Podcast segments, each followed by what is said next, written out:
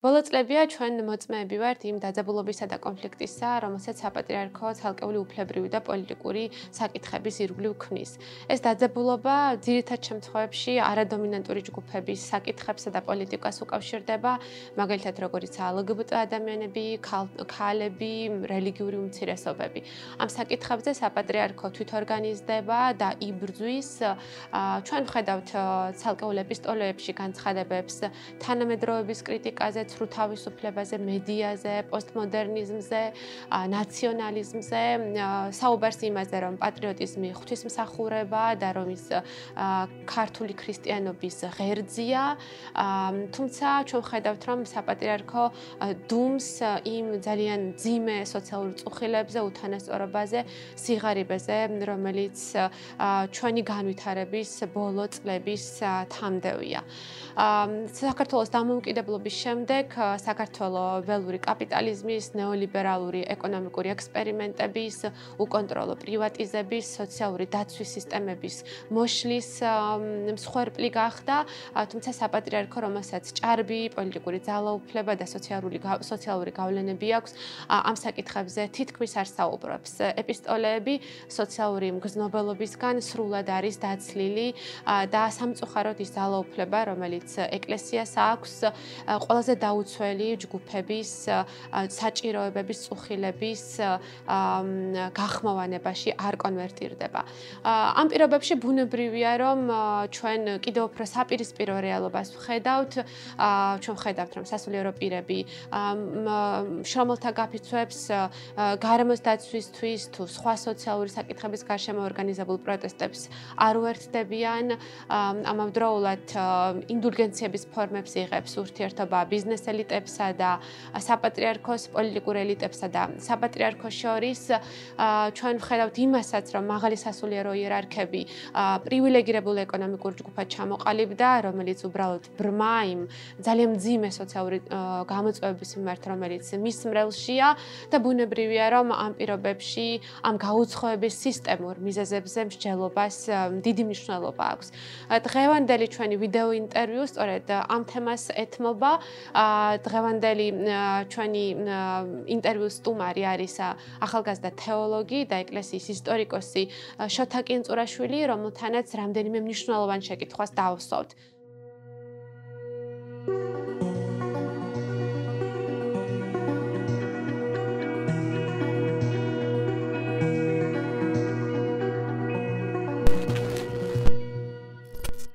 დიდი მადლობა შოთა დღევანდელი დისკუსია დღევანდელ დისკუსიაში მონაწილეობისთვის. ამ ჩვენ ძალიან ხშირად საუბრობთ საპატრიარქოს გადაწყვეტილებებზე, პოლიტიკაზე, თუმცა სოციალური მსახურების იდეა და პრაქტიკა ყველაზე ნაკლებად არის ხოლმე განხილვის საგანი, ხო, როგორც სასულიერო და თეოლოგიურ წრეებში, ასევე სეკულარულ აკადემიურ პოლიტიკურ წრეებში. და სწორედ ამიტომაც პირველი კითხვა მინდა რომ უფრო თეორიული იყოს და ვისაუბროთ იმაზე, საერთოდ აინტერესებს თუ არა ქრისტიანობას ჩაგვრისგან გათავისუფლების, სოციალური სამართლიანობის საკითხები, სოლიდარობის საკითხები. არის თუ არა ეს საკითხები თეოლოგიური, ონტოლოგიური, თუ ეს არის რაღაც მეორე ხარისხოვანი, რომელიც მხოლოდ ეკლესიების კეთილი ნება შეიძლება იყოს და თქვა დამატებითი მსახურება აქვს. ხო რა ფილოსოფიური და თეოლოგიური ახსნა აქვს გათავისუფლების საკითხებს ქრისტიანულ ქრისტიანულ მოძღვრებაში. მოგესალმებით, მადლობა მოწვევისათვის. პირველ რიგში ვიტყვი, რომ წყობრი ორგანიზებული სოციალური მსახურებას პირველი საუკუნიდან ტერმინი დიაკონიით მოიხსენებდნენ. ეს აღმოსავლეთის ეკლესიაში და დასავლეთის ეკლესიაში იყო ლათინური სიტყვა, დღემდე აქტუალურია კარიტასი. ჩვენ ვიცით ეს კარიტასი ესეთი ორგანიზაციაც არსებობს, რომელიც მთელ მსოფლიოში არის მოცული თავისი სოციალური მსახურებით.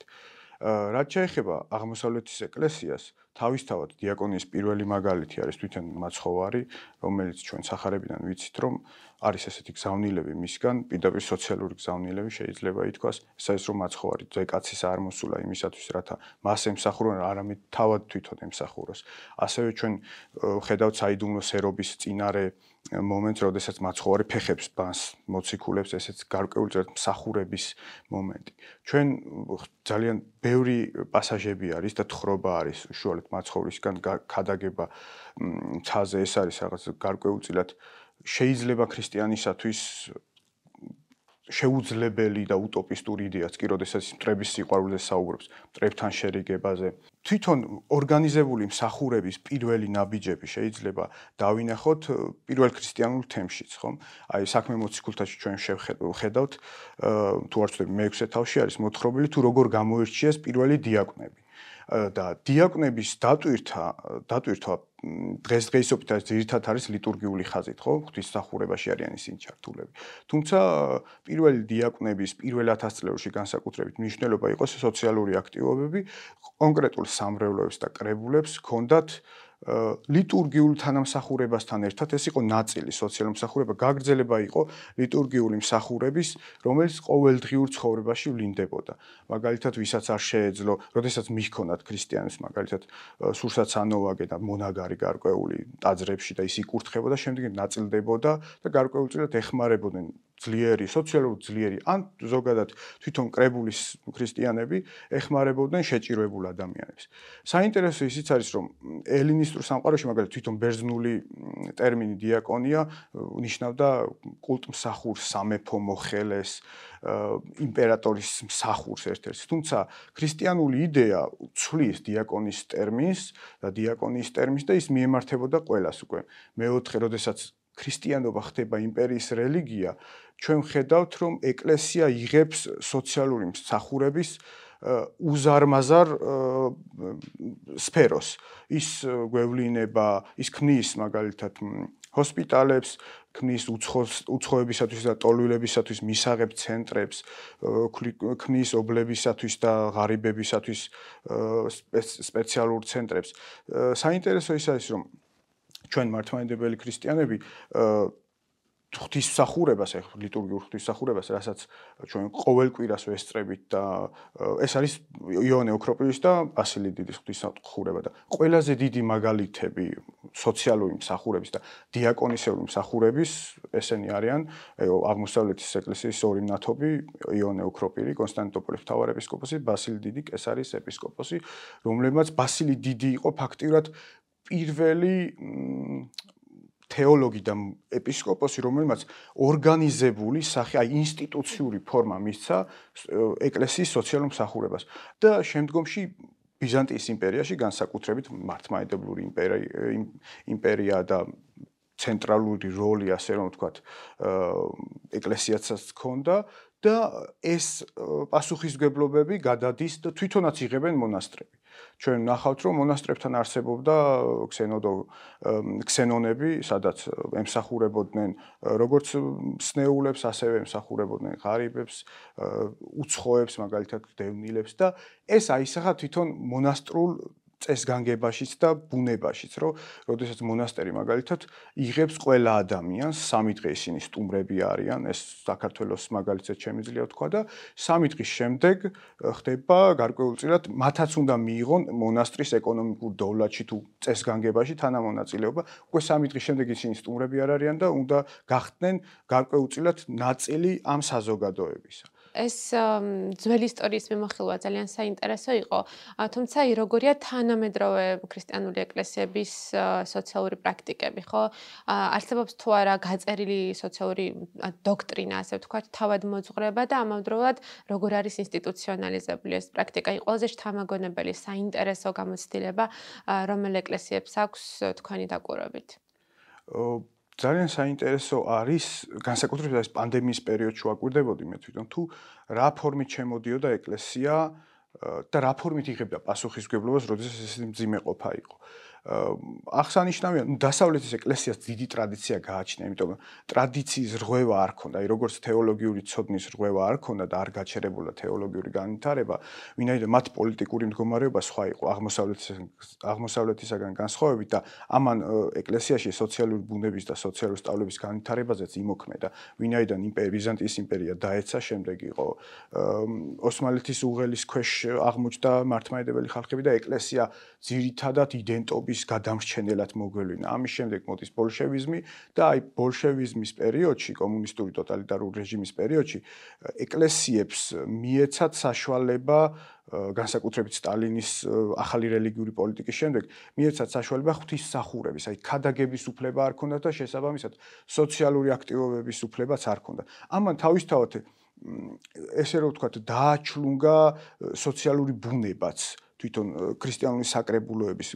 ტრადიცია დაიკარგა. რაც შეეხება თანამედროვე ეკლესიებს, დასავლეთის ეკლესიასა უკვე მე-19 საუკუნიდან როდესაც პაპი ლეო მე-13 დაინტერესდება მშრომელების საკითხით პირველ ენციკლიკას გამოსცემს, ეს არის Rerum Novarum და შეეხება მშრომელების ინდუსტრიალიზაციის შედეგად მოტანილი იმ პრობლემებს, რაც ჰქონდათ მშრომელებს. ამ საკითხს შეეხება ეკლესიისა და სახელმწიფოს მიმართებას და ასევე პირველად ბედავს მე-19 საუკუნის დასასრულს პაპი არათუ ბედავს აძლევს უფლებას ქრისტიანებს რომ თვითორგანიზირება თვითორგანიზირების უფლებას აძლევს და იქნება პროტესტანტული და კათოლიკური ქრისტიანების პროფკავშირები, დღევანდელი თანამედროვე კავშირები, რომლებიც იბრძვიან მშრომელების უფლებებისთვის ან სხვადასხვა უფლებებისთვის. ჯამაგარის მომატება იქნებოდა შრომის ღირსეული შრომის ღირსეული საცხოვრისის უფლება. უშუალოდ შესაბამისად პაპი მიმართავს ყოველ 4-5 წელიწადში ფაქტიურად ხდება ხოლმე რაღაცა სოციალური გზავნისა, სოციალური ენციკლიკის გამოცემა ამა თუ საკითხზე. აა განსაკუთრებით ხა ეხლანდელი პაპი ფრანცისკე გამოირჩევა იმ სოციალური გზავნილებით, ვინაიდან თვითონ ისეთ სოციალურ უთანასწორო ქვეყნიდან და კონტინენტიდან არის, როგორიცაა ლათინური ამერიკა. ეს თავისთავად მის ბუნებაზეც აისახა და იქ თან საფრთხისმეტყველო გამოცდილება საეკლესიო მოძრაობების განსხვავებული იყო ევროპასთან მიმართებაში. რაც შეეხება მართლმადიდებელი ეკლესიას, მართლმადიდებელი ეკლესიასაც აქვს ძალიან დიდარი გამოცდილება თავისთავად, რომელიც გააცოცხლეს რიგმა ავტოკეფალურმა ეკლესიებმა, ხო? აი რუსეთის ეკლესია ძალიან აქტიურად, მაგალითად, სირიაშიც კი ეხმარება ბავშვებს. ეხლა რა თქმა უნდა, იქ პოლიტიკური საჩულებიც იყო და თავისთავად კრემლთან ერთად ხელი-ხელ ჩაკიდებული მუშაობს ეკლესია, თუმცა სირიაში ანტიოქიის ეკლესიის ერთ-ერთი ყველაზე დიდი მხარდამჭერი დღეს არის რუსეთის ეკლესია. საბერძნეთის მართლმადიდებელი ეკლესია, ზელადის მართლმადიდებელი ეკლესიაც ძალიან აქტიურად არის როგორც ადგილზე, ძალიან დიდ თანხებს ხარჯავს განათლებაში. მათ შორის საქართველოსთან სტუდენტები მიდიან ფაქტობრივად ეს დიაკონისეული აქტია, ხო, როდესაც სტიპენდიები გაიცემა სტუდენტებისთვის და მათ აქვთ შესაძლებლობა ისწავლონ საზღვარგარეთ. დასავლეთის ეკლესიაც, პროტესტანტული და კათოლიკური ეკლესიაც ამ კუთხით ძალიან აქტიურად მუშაობს.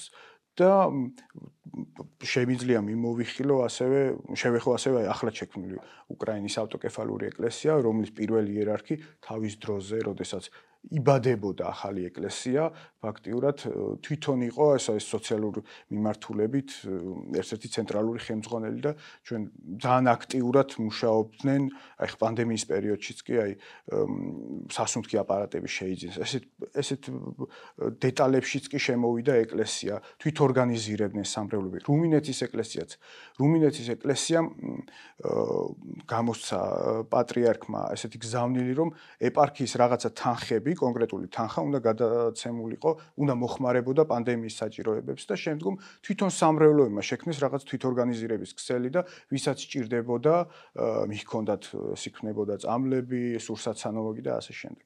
საქართველოს მინდა რომ გადავიდეთ თქვათ ცალკეული ქადაგებების, ну, ძირთადად თქვათ ეპისტოლეების ანალიზ თუ გავაკეთებთ, ზოგიერთ შემთხვევაში, ну, აშკარაა, რომ ერთის მხრივ ნაციონალურ ღირებულებებზე და ზოგადად ნაციონალიზმზე აპელირება არის წამყვანი ღერძი ამ ქადაგებებში, ხო, რათა ქართული ერის რაღაცა მისიაზე, ღირებულებებზე, ფასეულობებზე, ხო და თქვათ იდენტობის საკითხებზე ძალიან ძლიერი ხაზგასმა, თუმცა სოციალური სამართლიანი საქმიანობის სოციალური თანასწორობის, ღირსების, ხო, თქვათ ეს საკითხები აა ნაკლებად არის წარმოჩენილი ამ ტექსტებში. და პრინციპში წლიდან წლამდე ეს ასეა. გარკვეული ჩანაწერები ხდება მაგალითად ჩანს ეკონომიკის საკითხებზე ის რომ ქვეყანა უნდა სოფლის მეურნეობა განავითაროს, ბუნებრივი რესურსები დაიცვას და ასე შემდეგ, თუმცა თავად ის ძალიან მძიმე წუხილები რომელიც ჩვენს ხალხს აქვს და თავად მრევლსაც ხო, რომელიც რომელიც ჩვენ 30 წლიან ძალიან უსამართლო განვითარებას უკავშირდება, ეს იქნებოდა თქვა იგივე ველური კაპიტალიზმი და უკონტროლო პრივატიზება, ეს იქნებოდა ის ნეოლიბერალური ექსპერიმენტები და სოციალური დაცვის სისტემების მკვეთრი გაღარიბება, ხო? თუ ასე შემდეგ, აი ამ საკითხებს თითქმის არ ეხება ეპისტოლეები. თქვენი აზრით ამის მიზეზი რა არის? გასაგებია რომ ამ ისტორიულმა წყვეტამ, ტრადიციების წყვეტამ გამოიწვია ეს. ხო, მაგრამ ჩვენ ხედავთ რომ არაერთი მიმართულებით გარკვეული ტრადიციების აღადგენის მსალობები, რომელიც ისევ თქვა ნაციონალიზმის საკითხებს, იდენტობის საკითხებს უკავშირდება ჩანს. მაგრამ თქვა ეს ჯერი, სოციალური მსახურების ჯერი და მისი მნიშვნელობის დანახვის რაღაცა ეტაპი არ დადგა. უფრო მეტიც აი როცა ცალკეულ სასულიერო პირებს ვესაუბრებით ამ თემაზე, ისინი ამბობენ რომ ჩვენთვის თავია ღვთისმსახურება და რომ ეს სოციალური საკითხები მეორე ხარისხოვანია და ის სახელმწიფოს პასუხისმგებლობაა, ხო? თითქოს ეს რაღაც საერო ამ ქვეყნიური საკითხია და მათ არ ეხება. თუმცა თქვა ნაციონალიზმიც ამ ქვეყნიური საკითხია, მაგრამ ეს წამყვანი ღერძია ქადაგებებში და იდეოლოგიაში, ასე ვთქვათ, რომელსაც საპატრიარქო თუ ცალკეული სასულიერო პირები აკულტივირებენ. აა ხო, თქვენ დაკვირვებით როგორია ერთის მხრივ მოძღრება, ანუ ქადაგებებში რა ჩანს და მეორეს მხრივ პრაქტიკაში. საინტერესო შეკითხვა არის. და ეს მრავალშრიანი არის შეიძლება ითქვას. პირველ რიგში იმის თქმა შემიძლია, რომ მართმადიდებელი ღვთისმეტყველები, მართმადიდებელი ტრადიცია დღესაც ცდილობს იცხოვროს царსული პოლიტიკური წყობის ხედვით, რომელიც იყო, რომელიც აისახებოდა და გაბატონებული იყო ბიზანტიის იმპერიაში, ეს იყო სიმფონიის მოდელი.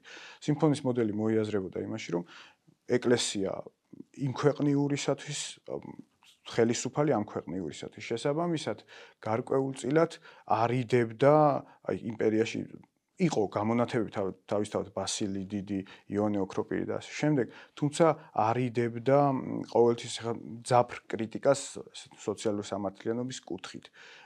დღესდღეობით ეს მიდგომა არის ჩვენთანაც გაბატონებული, რომ ეკლესია ფიქრობს ეს საკითხები, ეს არ არის სულიერი საკითხები, არა და მე საუბრის დასაწყისშიც ვახსენე, რომ ეს არის ფაქტიურად ლიტურგიული ცხოვრების გაგრძელება, რომელიც ყოველდღიურად უნდა გამოიხატებოდეს, როგორც იაკობ მოციქული ამბობს, რომ წმენა საქმეების გარეშე მკვდარია და მაცხოვარიც აი ძალიან საინტერესო არის, რომ როდესაც ჯულის წონები ეკითხებიან თუ რა არის უმთავრესი მცნება.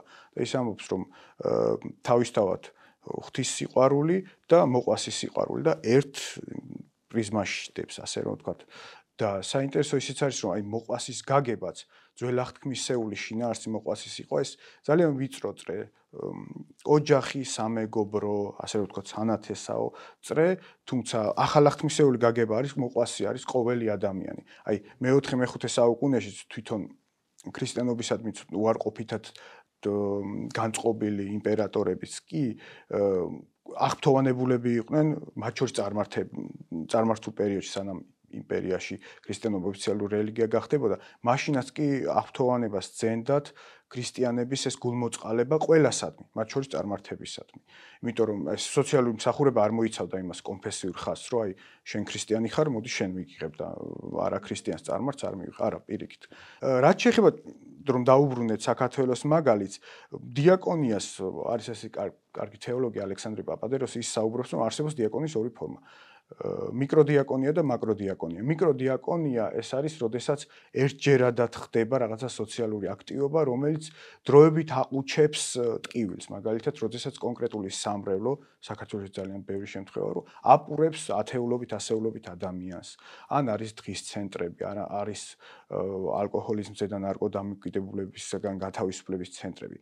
თუმცა ეს არის პირველი საფეხური ასე ვთქვათ, ხოლო მაკროდიაკონიის შინაარსი არის, როდესაც ეკლესია სვამს კითხვას თუ რატომ არის ამდენი ადამიანი ღარიბი. აი ეს რატომ არის ასეთი სოციალური თანასწორობა, ძალადობა ჩვენს კულტურაში, თუ ჩვენ ვართ ქრისტიანული კულტურა, ასე ვთქვათ და დომინანტი რელიგია არის ქრისტიანობა.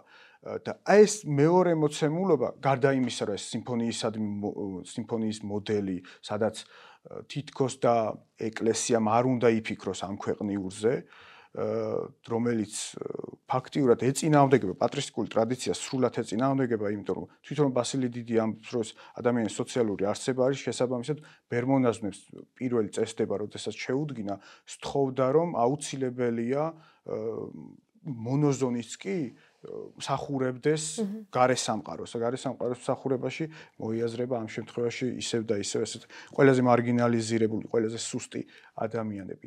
და კიდევ საინტერესო ის არის, რომ არსებობს ესეთი წინასწარმეტყველების პროფეტული ტრადიცია ახალახთმისეულ ეკლესიაშიც. თავისთავად საფუძვლები მას აქვს ძველახთმაში. ჩვენ ვიცით ძველახთმაში საფრთხო ნების გამცხადებლები იყვნენ წინასწარმეტყველები. წინასწარმეტყველები და გადამცემები შემდგომ მოსახლეობისადმი კონკრეტულ საზოგადოებაში ასე რომ ვთქვათ და წინასწარმეტყველები წინასწარმეტყველების ამოცანა ასე რომ ვთქვათ და გზავნილი ორი იყო. საპატრიარქოს მაგალითებს უფრო კონკრეტულად რა დაუბრუნდეთ.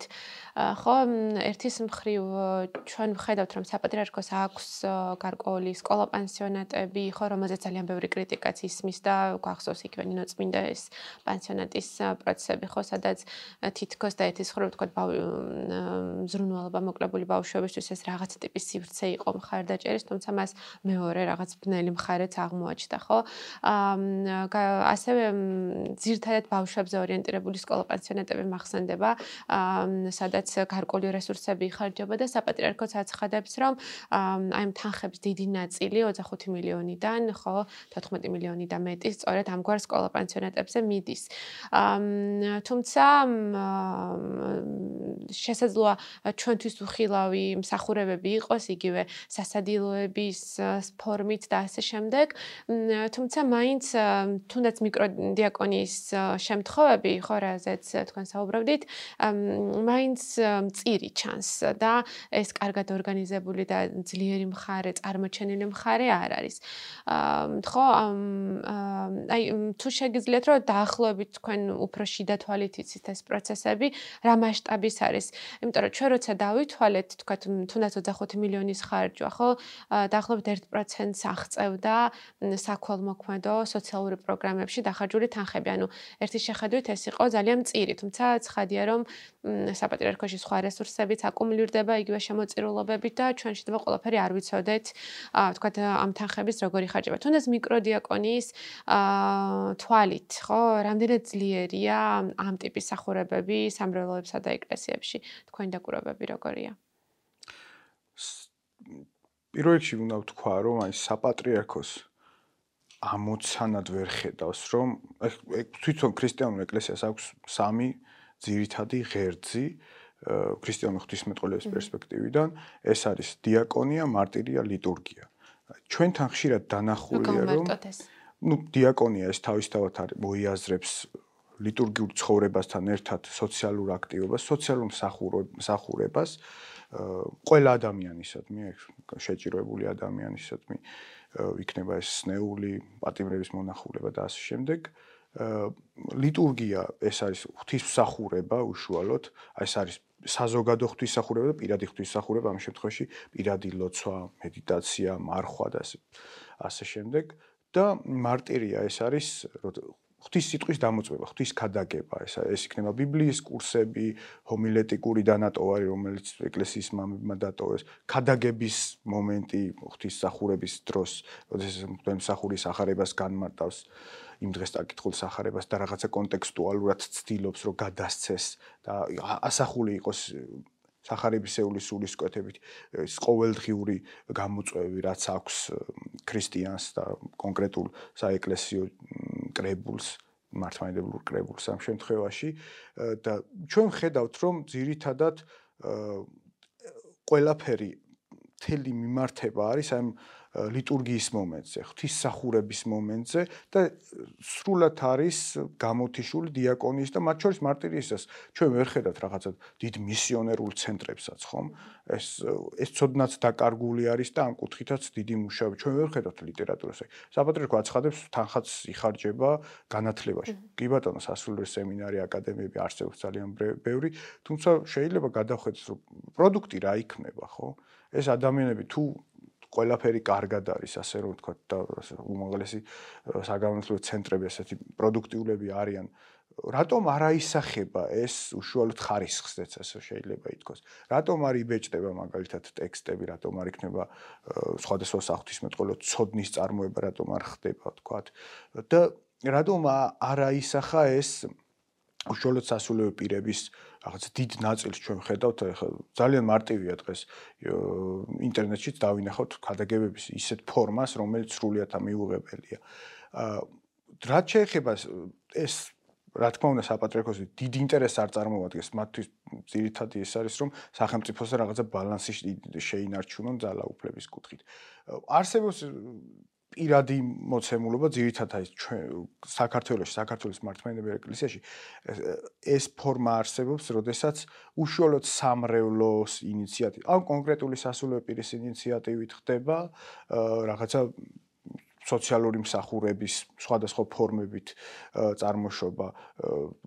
სრულიად შემთხვევით.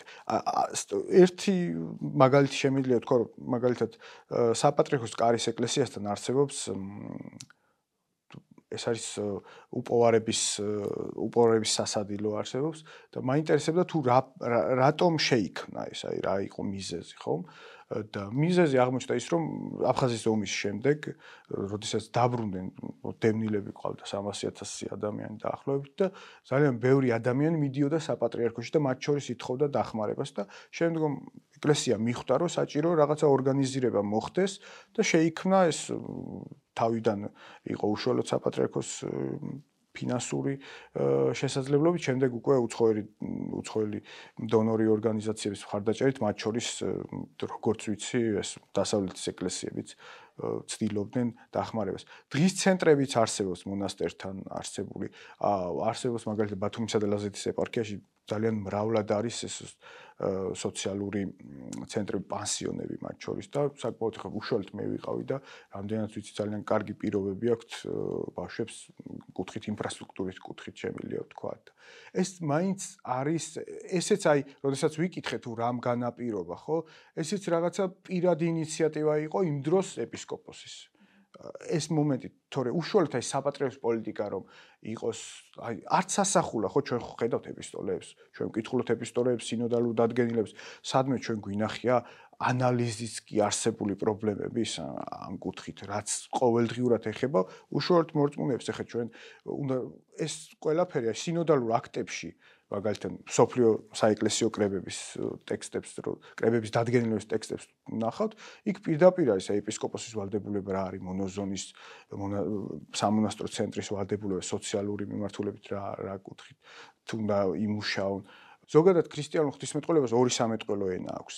ეს არის ერთი არის კონტემპლატიური გულზე მარხვაზე შინაგანს ჭრეტითი შინაგანზე ორიენტირებული ეს შეიძლება გარკვეულ წელს პიროვნული ინდივიდუალური მომენტი და არსებობს პროფეტული წინასწარმეტყველი. როდესაც ეკლესიამ უნდა ისაუბროს ისეთ გამოწვევებს, როგორიც არის უთანასწორობა, რასობრივი სეგრეგაცია, დისკრიმინაცია, ეს პრობლემები ძალიან ძაფრი არის დღეს დღეისობით საქართველოში და აი ძალიან ბევრი მიფიქრია თუ რატომ აი მე-20 საუკუნის ქრისტიანული ეკლესიის ისტორიას რომ გადავხედავთ გლობალურად, სოფლიო ქრისტიანული ეკლესიის ისტორიას, განსაკუთრებით ჩვენაირ ღარიბ ქვეყნებში და კონტინენტებზეც კი, ეკლესიის რაღაც ნაწილი ხა სრულად არა, თუმცა და ასევე ვერ ვიტყვით, რომ ეს მოდიოდა ყოველთვის რაღაცა იერარქიიდან. არა, ეს ყოველთვის მოდის დაბალი ქვემოე ფენებიდან, ეს იქნებიან მღვდელმსახურები, თეოლოგები, აქტიური ქრისტიანები და ჩვენ ხედავთ მაგალითად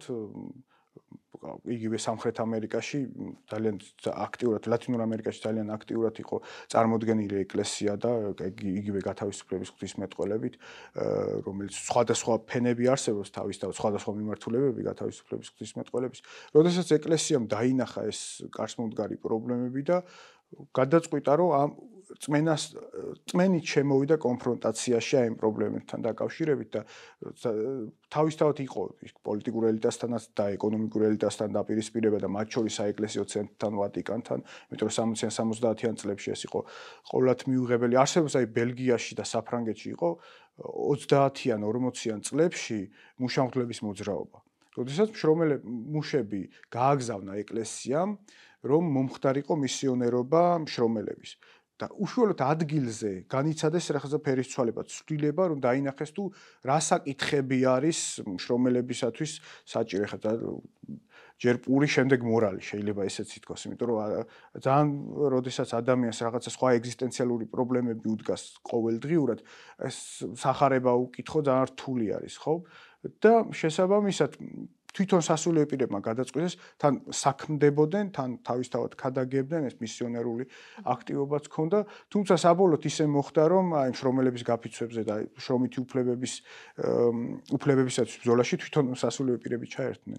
აი ეს გამოცდილება თავისთავად თავიდან არის ჩვენთან საპოვნელი და მე ვიტყოდი რომ სასულიერო პირებს არ უნდა შეეშინათ. არის ხოლმე საუბარი რომ პოლიტიკურ ველზე, აი პოლიტიკურ პროცესებში რა უნდა სასულიერო პირს. არა, რა თქმა უნდა, პოლიტიკურ პროცესებში ეს იმას არ ნიშნავს, რომ კანდიდატად იყაროს კენჭია პარლამენტში შევიდეს. თუმცა ძალიან მნიშვნელოვანია ის წემსი არის ამ შემთხვევაში და მას აბარია ათეულობით, ასეულობით ადამიანი და აქვს ამის გამოცდილება, ამის ტრადიცია გვაქვს და ეს ტრადიცია ისე უნდა გავაცოცხლოთ, არ უნდა დავკარგოთ და სულ მუდმივად განახლების პროცესში უნდა იყოს. ეკლესიაც ქრისტიანიც აქ არ არის მათ საუბარი სასულიერო პირებზე ან იერარქიაზე. არა, რიგითი ქრისტიანიც მეც თქვენც ას შეიძლება იქნას დანახული. აა როგორ ჩანს ეს ეკონომიკური თანასწორობები თავად სოციალურ თავად სასულიერო პირებს შორის, ხო? რომ ჩვენ ხშირად როცა ვლაპარაკობთ ამ ეკონომიკურად პრივილეგირებულ კლასზე, ძირითადად მაღალსასულიერო პირებზე ვსაუბრობთ, თუმცა მე მინახავს არაერთი მღვდელი, რომელიც თქვა პერიფერიებში მსახურობს, რეგიონებში ან თქვა თბილისის გარეუბნებში, რომლებსაც საკუთარი ღვთისმსახურებისთვის და საქმიანობისთვის ხშირად რაცა ტრანსპორტირების რესურსები არ აქვთ, მათ არ აქვთ ხელფასები და ასე შემდეგ, ხო? თავად უთანასწორობა სასულიერო პირებს შორის როგორია და რა ფორმებს იღებს? ძალიან კარგად შენიშნეთ. ამ საკითხზე ფაქტიურად არ საუბრობენ ჩვენთან, რაღაცა ტაბუიზირებულიც არის და აქედან უნდა მიეჩვიოს საზოგადოება, ხალხიც რომ სასულიერო პირებს ჩვეულებრივი ადამიანები არიან, ხო? სასულიერო პირებსაც ყავთ შვილები, ყავთ მშობლები, მათაც აქვთ ისეთი გამოწვევები, რაც აფთიაქში უნდა იყიდონ წამალი, რაღაცა მანქანაში უნდა ჩაასხან ბენზინი, ბავშვის სკოლის ფული და ასე შემდეგ. ჩვეულებრივი ამ კუთხით მათაც ის გამოწვევები, რაც ნებისმიერ ჩვენს მოქალაქეს. uh, აქ შემოდის თავისთავად ძალიან მძაფრი არის ქალაქისა და პერიფერიის სამგდელოების შემოსავლის ასახვა, როდესაც ჩვენ შევხედავთ, ეს არის ძალიან რთული ხა არის რეგიონებში სასულიერო პირებს ძალიან უჭირთ. მე რაც პირადად მე რაც ვიცი და ჩემი მეგობრები არიან, რამდენიმე სასულიერო პირი, რომლებიც რეგიონში მსახურობენ და ვიცი რა არის მათი შემოსავალი და უწევთ სხვა სამსახურის ძებნას. ეს ძალიან ნორმალურია თავისთავად, თუმცა საქართველოს სასულიერო პირი ვერავის ვერ წარმოუდგენია, რომ შეიძლება იყოს ქიმიკოსიც, ფიზიკოსიც, კარგი პედაგოგი, მათემატიკოსი. რაღაცა ეს უნდა მოხდეს დესაკრალიზაცია, დემითოლოგიზაცია ზოგადად, აი ხედვა ზოგადად სასულიერო პირისადმი და სასულიერო პირებისადმი უნდა გადაფასდეს ჩემი აზრით. არსებობს ეს ძაფრი სოციალური დისბალანსი თვითონ მთელმსახურებსაც და ეს არის მოწყობის პრობლემა. საქართველოს ეკლესიის როგორც სტრუქტურულად როგორც არის მოწყობილი, ეს მათ შორის ეკონომიკურად მოწყობილი ხო? და არა აქვს სასულიერო პირებს ხელფასი. აქვთ დიაკვნებს, რამდენიც ვიცი, აი დიდ ტაძრებში, როდესაც ისინი დროებით მსახურობენ, სანამ გლად ხელდასმა მოხდება მათი. რაღაც ძალიან მიზერული 200 თუ 300 ლარია და 200 და 300 ლარი, როდესაც ოჯახი ყავს, ძალიან მცირე თანხა არის. აქაც არსებობს მე ყოველთვის აღნიშნავ, რომ სასულიერო ელიტების ჯგუფიც არსებობს, რომლებიც არიან რიგითი მღვდელი მსახურების და არიან ეპისკოპოსების და ფუფუნებასა და განცხრომაშიც ცხოვრობენ და ეს ჩვენ ხშირად ტელეეკრანებითანაც ხედავთ ამ ადამიანებს. და არსებობენ ადამიანები, რომლებსაც მღვდელი მსახურები, რომლებსაც ძალიან უჭირთ და ეგ მეურნეობას აი სოფელში მაგალითად სოფლებში და რეგიონებში ამ კუთხით შეუძლიათ თავი გადაირჩინონ და შესაბამისად ეს აკლდება შემდგომ სულიერ მსახურებასაც, მათ პასტორალურ სამოწყო მსახურებასაც. მოწყობაზე, როდესაც ვისაუბრე ადრე არსებობდა ესეთი ტრადიცია, როდესაც ჩვენი ავტოკეფალისტი მამები იბრძოდნენ ეკლესიის დამოუკიდებლობისთვის, კირიონი, ლეონიდე, ამბროსი. იმ პერიოდში მაგალითად აი ტექსტებსაც რო გადავხედავთ რეორგანიზაციის გეგმა იგივე საეკლესიო მოწყობის გეგმა ხო მართვაგამგეობის დებულება რითიც იმართება ზოგადად ეკლესია იქ არსებობდა ესეთი ფორმა რომ სამრევლოს უნდა აიღო ეკონომიკური პასუხისგებლობა ხდელმსახურზეც, დიაკვანზეც, მგალობელზეც, მედავითნეზეც და ეს ძალიან ორგანულიც არის ჩემი აზრით და შესაბამისად თვითონ სასულიერო პირიც გარკვეულწილად თავისთავად მრევლზე არის დამოკიდებული, მრევლიც გარკვეულწილად უფრო გაბედული არის საეკლესიო ცხოვრებაში, უფრო ორგანულად არის ჩართული და თვითონ ღდელმსახურიც ნაკლებად ხდება დამოკიდებული იგივე იერარქიაზე, ხო? როდესაც მას ეკონომიკური რაღაც საფუძვლები გააჩნია და როდესაც მას მრევლი უდგას მხარში, მისი მორწმუნეები შესაბამისად უფრო მეტად გაბედულიც არის. და ჩვენთან ეს სრულად მოშლილია. ჩვენთან არ არსებობს ხელფასების მოცემულობაც არ არის, არ არსებობს სამრევლო საბჭოები, არ არსებობს სამრევლო ქონების აღწერა. არსებობს მაგალითად სომხეთის 60 ქულო ეკლესიას აქვს ესეთი პრაქტიკა, თვითონ მღვდელმსახური გადაწყვიტავს, ხონდეს ხელფასი საპატრიარქოსგან, ამ შემთხვევაში ეჩმიაძინისგან, თუ დასჯერდეს სამრევლოს შემოსავალს. საქართველოში მხოლოდ აღმოსავლეთ დასავლეთ ევროპის ეპარქიაში და ამერიკის ეპარქიაში რამდენადაც ვიცი ეს დიასპორ დიასპორაზია საუბარი. მათ აქვთ ეს სამრევლო საბჭოების კულტურა იმიტომ რომ იქ ისედაც იურიდიულად ვერ დაარსებ თუ არა ყავს საბჭო და შესაბამისად იქ არის კონკრეტული რაღაცა მინიმალური შენატანი რომელსაც შენ ნებაყოფლობით გასცემ. შეიძლება სტუდენტმა 2 ევრო დადოს ვიღაც შემოსავლიანი ადამიანმა 50 ევრო და ეს შედის თავისთავად სამრევლო ქონებაში ყოველთვიური შემოსავალი რაც არის სამრევლოს. ის შემდეგ სამრევლო საბჭო დემსახურთან, დიაკვანთან, რამდენიმე გამორჩეულ მორწმუნესთან, რომელიცაც ყოველთვიურად ან ყოველწლიურად ირჩევენ, ისინი განაგებენ ამ თანხას და შესაბამისად დემსახურს აქვს გარკვეული შემოსავალი ამ შემთხვევაში ხელფასი, საეკლესიო ხარჯებიც, რომელიც არსებობს და ეკლესიას აქვს თავისი ხარჯი თავისთავად. ამ საკითხსაც მრევლი ერთობლივად, მრევლიც და სასულიერო პირიც ერთობლივად აგვარებს. ეს თავისთავად იმ კულტურამ და იმ წყობამ გამოიწვია და ჩვენი ეკლესიის დიასპორაც ამ ფორმაში ჩაჯდა. ჩვენთან ამ კუთხით არ არსებობს არანაირი გამოცდილება და ეს არის არც გამოცდილება და ჯერჯერობით როგორც ხედავ ინტერესი არ არის შეთა თავად ეს ამგვარი პრაქტიკა მოწყობის ორგანიზების ხო? ხო არ უწყობს ხელს იმას რომ თქვა საერო ადამიანები ერისკაცები უფრო აქტიურად შედიან თქვა სამრევლო ცხოვრებაში რაც ნიშნავს მათ შორის მათი რეალური წუხილების უფრო აქტიურ შეტანას და უფრო მეტ დიალოგს მრევლსა და თქვა იგივე სასულიერო პირებს შორის ხო უფრო მეტ თანაგაზიარებას. და იმ პირობებში როდესაც ჩვენ ქართულ ეკლესიას აქვს პრობლემა მკვეთრი ცენტრალიზების, ავტორიტარიზმის გარკვეულწილად, ხო? ეს უფრო ართულებს ამ რეალობას. ამიტომ არა მხოლოდ სამრევლოების დონეზე, არამედ დიდ სურათში თავად მოწყობა სტრუქტურის, ეკლესიის ხო არ არის მიზეზი აი ამ კავშირის წყვეტისა გარე სამყაროსთან, ადამიანებთან, მათ ყოველდღიურობასთან. ნუ გარდა იმისა, რომ ალბათ სხვა მიზეზებითაც უნდა იხსნას ეს ეკონომიკური გაუცხო მოგზაურობა და დაბალი მგრძნობელობა.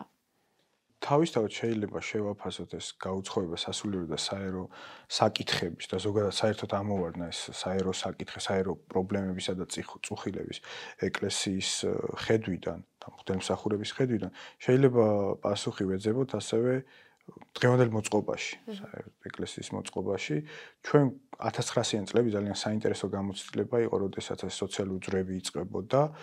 მათ შორის ეკლესიაშიც მოხდა ფაქტიურად საეკლესიო რევოლუცია, ძირთად ეძახიან ამას სამრევლო რევოლუციას რუსეთის ეკლესიაში და იმ პერიოდი რუსეთის ეკლესიის ნაწილი, როგორც პოლიტიკურად ისე რელიგიურად ჩვენც ვიყავით და შესაბამისად ჩვენთანაც აისახა ეს ცოდნა და გამოცდილებაც.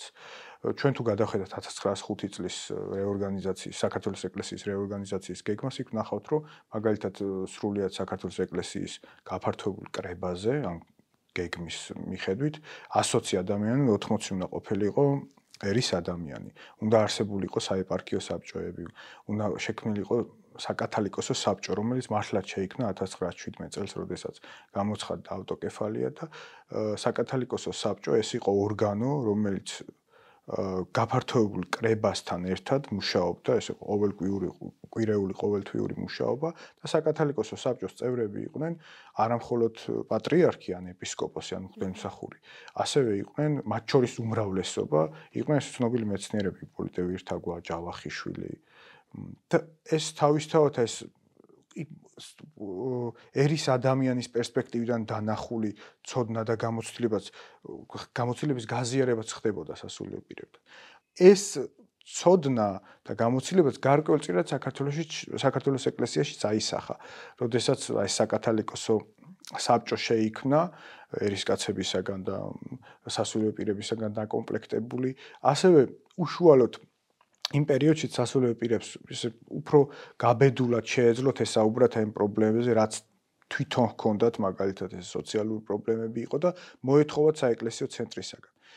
ეს დემოკრატიული და სამრევლო ქრისტიანობის იდეა 20-ან 30-იან წლების შემდეგ, როდესაც უკვე ბოლშევიზმმა გამოიმარჯვა, თავისთავად დასამარდა და დაიწყებას მიეცა და სტალინის რელიგიური პოლიტიკის შემდეგ მას აწყობდა ერთიანი ცენტრალური აპარატი, რომელიც მარტივად მოემსახურებოდა იმპერიას, საბჭოთა ხელისუფლებას. შესაბამისად, უკვე 40-იან წლებში, როდესაც ვნახავთ 30-იანი წლების შემდეგ, აი ამბროს ხელაის შემდეგ, როდესაც ვნახავთ ხდება სრულად გადაწყობა ეს დოკუმენტები რომ დავალაგოთ და შევადაროთ მართვა-გამგეობის დოკუმენტები სრულად სრულად ხდება სინოდალურ მართლობის მოდელზე გადასვლა და ეს სინოდალური მართლობის მოდელი არასოდეს არ მოიაზრებს ერის ადამიანებს და 1995 წლის საქართველოს მართლმადიდებელი ეკლესიის მართვა-გამგეობის დებულებაც გვეუბნება რომ ღვთელი არ არის ვარდებული მრევლთან.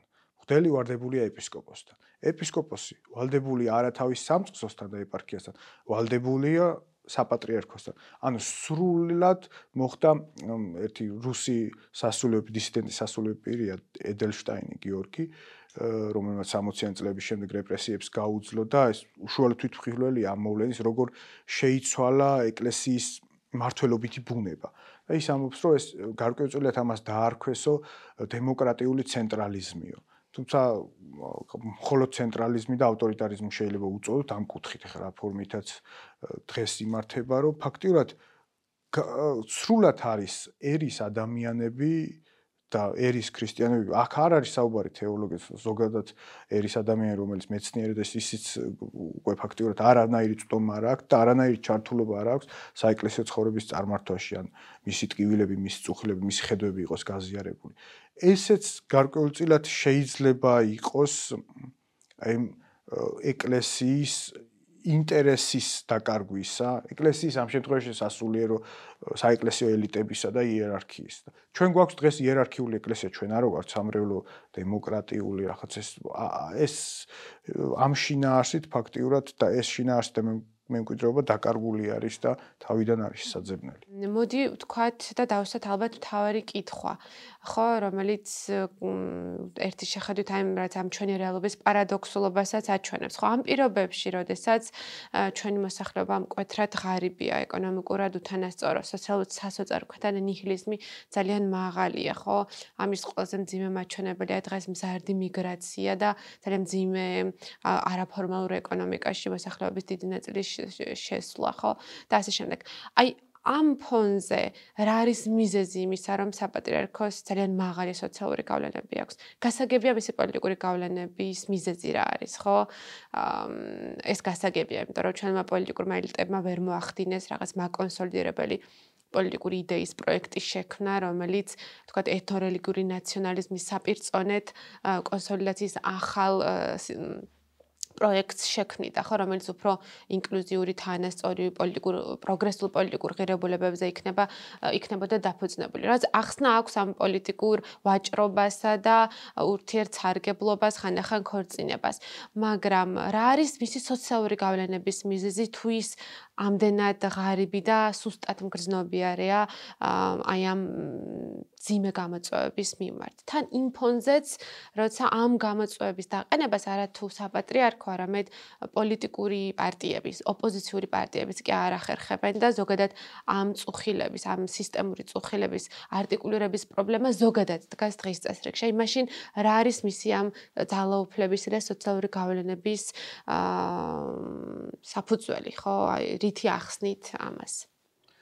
ეს შეიძლება იყოს იდეოლოგია, რომელიც აწარმოა ბოლო პერიოდში, ბოლო სამი ათეული წელიწადია ეს არის ეთნოფილეტიზმი, რელიგიური ნაციონალიზმი, რომელიც გარკვეულწილად მართლმადიდებლურ ეკლესიაში მიღებულია როგორც წვალებლობა, იმიტომ რომ არ შეიძლება ნაციონალური იდენტობით განსაზღვრო ქრისტიანობა. და შესაბამისად ერთ-ერთი პრობლემა და ერთ-ერთი საყრდენი რაც არის ეს არის თავისთავად ეთნოფილეტიზმი და ეს რელიგიური ნაციონალიზმი რომელიც აწარმოა თვითონ საპატრიარქომ. აი ჩვენ ძალიან საინტერესო არის თვითონ პატრიარქის ეპისტოლეებს რომ ნახულობთ. საბჭოთა ეპოქის პერიოდში მისი ეპისტოლეები არის აი შვიდობისადმი, ეს ატომური განიარაღება. თავისთავად ეს იყო ეხა საბჭოთა ხელისუფლების დავალებას თუ რა უნდა გაეტანა საქართველოს ეკლესიას, რა გზავნილი უნდა გაეტანა საზღვარგარეთ, როდესაც მიდიოდა სხვადასხვა ეკუმენურ შეხვედრებს და ასე შემდეგ. თუმცა 90-იანი წლების შემდეგ, როდესაც ნაციონალიზმი და ზოგადად რელიგიური ნაციონალიზმი ესე გაძლიერდა, ეკლესიამაც საპატრიარქომაც დაინახა, რომ ამაში იყო ძალა და ამით უფრო მარტივად შეიძლებოდა პოლიტიკურ ველზე შემოსვლა და ეს საკითხი წამოწია წინ, იმიტომ რომ ქართველები ემოციური ხალხი ვართ და ეს მომენტიც ძალიან ისეთ მუშაობს ზოგადად ეთნიკური, რელიგიური მომენტი. და თავისთავად აქ განმაპირობებელი ისიც არის, რომ ეკლესია რჩება საზოგადოებისათვის, ადამიანებისთვის უკანასკნელი იმედი. აი, 3 ათეული წელიწადია, როდესაც ქვეყანამ ამდენი ომი ამდენი უბედურება, ამდენი დღესდღეობით ასეთი უთანასწორობა გაიარა და ეკლესია რჩება და მათ შორის ეკლესიის უმაღლესი იერარქი მილია მეორეს დღეს აქვს განუზომელი ავტორიტეტი და აქვს პატივისცემა საზოგადოების მხრიდან. შესაბამისად სოციალური კაპიტალი თავისთავად მიბმულია პიროვნების კულტთანაც შეიძლება ესეც ვთქვა პატრიარქთან და რელიგიურ, ეთნორელიგიურ ნაციონალიზმთან. ეს ორი მომენტი არის და შემდგომ თვითონ ჩვენ შემთხვევაში გაბატონებული სიტუაცია, როდესაც ადამიანებს დობა არ აქვს, ხო? ჩვენ ვიცით, ხელისუფლებასთან დობა არ აქვს, ოპოზიციასთან არ აქვს. სამოქალაქო საზოგადოება არ არის ისეთი ძლიერი, ხო? ამიტომ მე ძალიან ხშირად საუბრობ, რომ სასულიერო პირებს აქვთ გარკვეულწილად გამოცდილება იმის თუ რა წუხილებია საზოგადოებაში, ხო? მათთან მიდის ათეულობით, ასეულობით ადამიანი და უზიარებენ ამ წუხილებს და ისინი კარგად ხედავენ. ეხლა თავარია მათ დაიწყონ გაბედონ, ისწავლონ ისევ და ისევ იპოვონ ის ძველი ტრადიცია, ის მემკვიდრეობა, შეაფასონ ეს მეორე ნაბიჯია, გაბედულად შეაფასოს მათ შორის ეკლესიამ. თუმცა აი ისტორიულ გამოცდილებას როგორია იგივე ესეთ პერიფერიულ ქვეყნებშიც ხო აფრიკაში იქნება ლათინურ ამერიკაში და ასე შემდეგ. იგივე როდესაც სწავლობთ გათავისუფლების ღვთისმეტყველებაზე ანუ სხვადასხვა მიმართულებებზე ხო? შავი გათავისუფლების ღვთისმეტყველება რომელიც სეგრეგაციას ებრძოდა და აპარტეიდს ეს ის არ დაწყებულა უმაღლეს საეკლესიო ცენტრი და პირიქით ყოველთვის მაგალითად ვატიკანი ყოველთვის ებრძოდა 60-იან 70-იან წლებში განვითარებულ ლათინურ ამერიკულ თეოლოგიას იმიტომ რომ ამ შემთხვევაში ეს პოლიტიკური მოცემულობა ისეთი იყო რომ ეს მოძრაობა ასევე უპირისპირდებოდა ამერიკის შეერთებული აშშ-ის მიერ ხარდაჭერილ ხელისუფლებას სხვადასხვა მაგალითად სალვადორში და არგენტინაში ეს დიქტატორულ რეჟიმებს. და შესაბამისად ვატიკანისთვის მნიშვნელოვანი ანგარიშგასაწევი ძალა იყო ამერიკა ვიდრე ურუგვაი, პარაგვაი ან კუბა, თქვათ. ეს ეს მოცემულობაც არსებობს. აა ჩემი ბოლო კითხვა უნდა ყოფილიყო, სად არის გამოსავალი და პრინციპში თქვენს პასუხში გარკვეულწილად უპასუხეთ ამას, ხო? აა რომ ამგვარი მოძრაობები რთულია რომ დაიწყოს ცენტრიდან და ის ეს პოტენციალი ალბათ უფრო პერიფერიებს აქვს და ნამდვილად ის პრაქტიკები, რომელიც ადგილზე სამრევლოებმა ცალკეულმა სასულიერო პირებმა შეიძლება შექმნან, აა ძალიან მნიშვნელოვანია, მაგრამ ალბათ იმის გამო რომ თვითონ სადისკუსიო სივრცეც, ცოდნის სივრცეც ძალიან ღარიბია ჩვენს ეკლესიაში და საზოგადოებაშიც, მოდი ასე ვთქვა და დღეს ეკლესიის საპატრიარქოს გადაწყვეტილებებზე თუ პოლიტიკაზე კრიტიკაც მკვეთრად გავულგარებულია, ხო, ესეც უნდა ვაღიაროთ. პრინციპში ამგვარი ახალი ცოდნის შექმნის შესაძლებლობებს ამცირებს, ხო, ეს არის რაღაცა მუდმივი აგრესიული დიქოტომია, ხო, რაღაც თითქოს ჩამორჩენილი რელიგიური რელიგიურობასა და პროგრესულ თანამედროვე ღირებულებებს შორის, სადაც უკვე აქტიურად აგრესიულადაც კი არის მედია ჩართული, კომიკურიც კი გახდა, ხო, ცალკეული მაღალი იერარქების კრიტიკა, თუმცა ეს ველი, თქვათ, აი ამ კრიტიკული ცოდნისგან, ახალი იდეებისგან, თუნდაც წარსული ძალიან მნიშვნელოვანი ტრადიციების გახსენებისგან, ან ახალი ტრადიციების გამოგონებისგან სრულად არის დაცლილი და ალბათ ერთ-ერთი ძალიან მნიშვნელოვანი სამუშაოები, სამუშაო, რომელიც შეიძლება გაიწიოს, ეს არის სწორედ ამ საკითხებზე უფრო ღრმა დისკუსიები და გარკვეული პოზიტიური მუშაობა, ხო, რომელმაც ამგვარი ინსპირაციები შეიძლება გააჩინოს. აა აი თქვენ მაინც, ხო, რა რას ხედავთ გამოსავალთ ან გაძლევთ თუ არა რაიმე ცირე მოძრაობები თუნდაც სხვა სხვა სამრევლოებში თუ ეპარქიებში პოზიტიური მოლოდინის საფუძველს. ну ქრისტიანობა იმედის რელიგია და თავისთავად ამ კუთხით შეიძლება შევხედოთ, მაგრამ იცით რა თვითონ ქრისტიანების ერის ადამიანების დაბალი, აი მოდელმსახურების, დიაკონების, სტიქაროსნების, ნათეების, წიგნის მკითხველების უნდა გადაიაზრონ და უნდა გადავიაზროს, რომ იერარქიული ეკლესია ეს არის შუა საუკუნეობრივი ფორმა ეკლესიისა და მას არაფერი საერთო არ აქვს იმ გამოცდილებასთან, რაც აქვს მართლმადიდებელი ეკლესიას და რისთვისაც ამ შემთხვევაში კირიონი, ამბროსი და ლეონდი გადასახლებებში იყო და რისთვისაც იბრძოდნენ ეს ადამიანები თავისთავად. ა არანაირი მა არ აქვს და ეკლესია არ შეიძლება დანახული იყოს ვიღაცა ადამიანების პირად კორპორაციათ, ასე რომ ვთქვათ. და მასში სრული უფლება აქვს ჩართული იყვნენ. მათ შორის გადაწყვეტილების მიღებაშიც კი ჩართული იყვნენ რიგითი სასულიერები, მათი წუხილები, სასულიერები და საერო ადამიანები. მათი წუხილებიც უნდა იყოს მოსმელი. ძალიან საინტერესო ფაქტი არის, როდესაც პატრიარქი ლეონიდე გამოირჩიეს, გამოირჩიეს ლეონ დეოქროპირიცე წერილები არის და გურიის ერთ-ერთი სოფლიდან იწერებოდა სამრევლო რომ ჩვენ ეგ კაცი რაღაცა არ მოგწონს ცუდი ხმები მოდისო და ჩვენი ისიც და ეს ჩვეულები აღბეჭდილი არის ჩატა. ეს ამ დონის იყო იმ დროს ეს დისკუსია თავისთავად. ჩვენ გადავეით ამ სინოდალურ მოდელზე და ეს სინოდალური მოდელის თავისთავად გამორიცხავს არათუ ადამიანს თვითონ ეპისკოპოსებს ეს დამამცრობელია, როდესაც ეპისკოპოსები მიდიან, სინოდის დღე არის დანიშნული, ეპისკოპოსები მიდიან საპატრიარქოს კარებთან მედია ხდება და არიციან რაზე უნდა იმსჯელონ. ეს არის ტრაგედია. ჩვენ თუ გადავხედავთ მართლმადიდებელი ეკლესიის ადგილობრივი მართლმადიდებელი ეკლესიების გამოცდილებას, ერთი კვირა 10 დღე გრძელდება სინოდის სხდომები, ხო?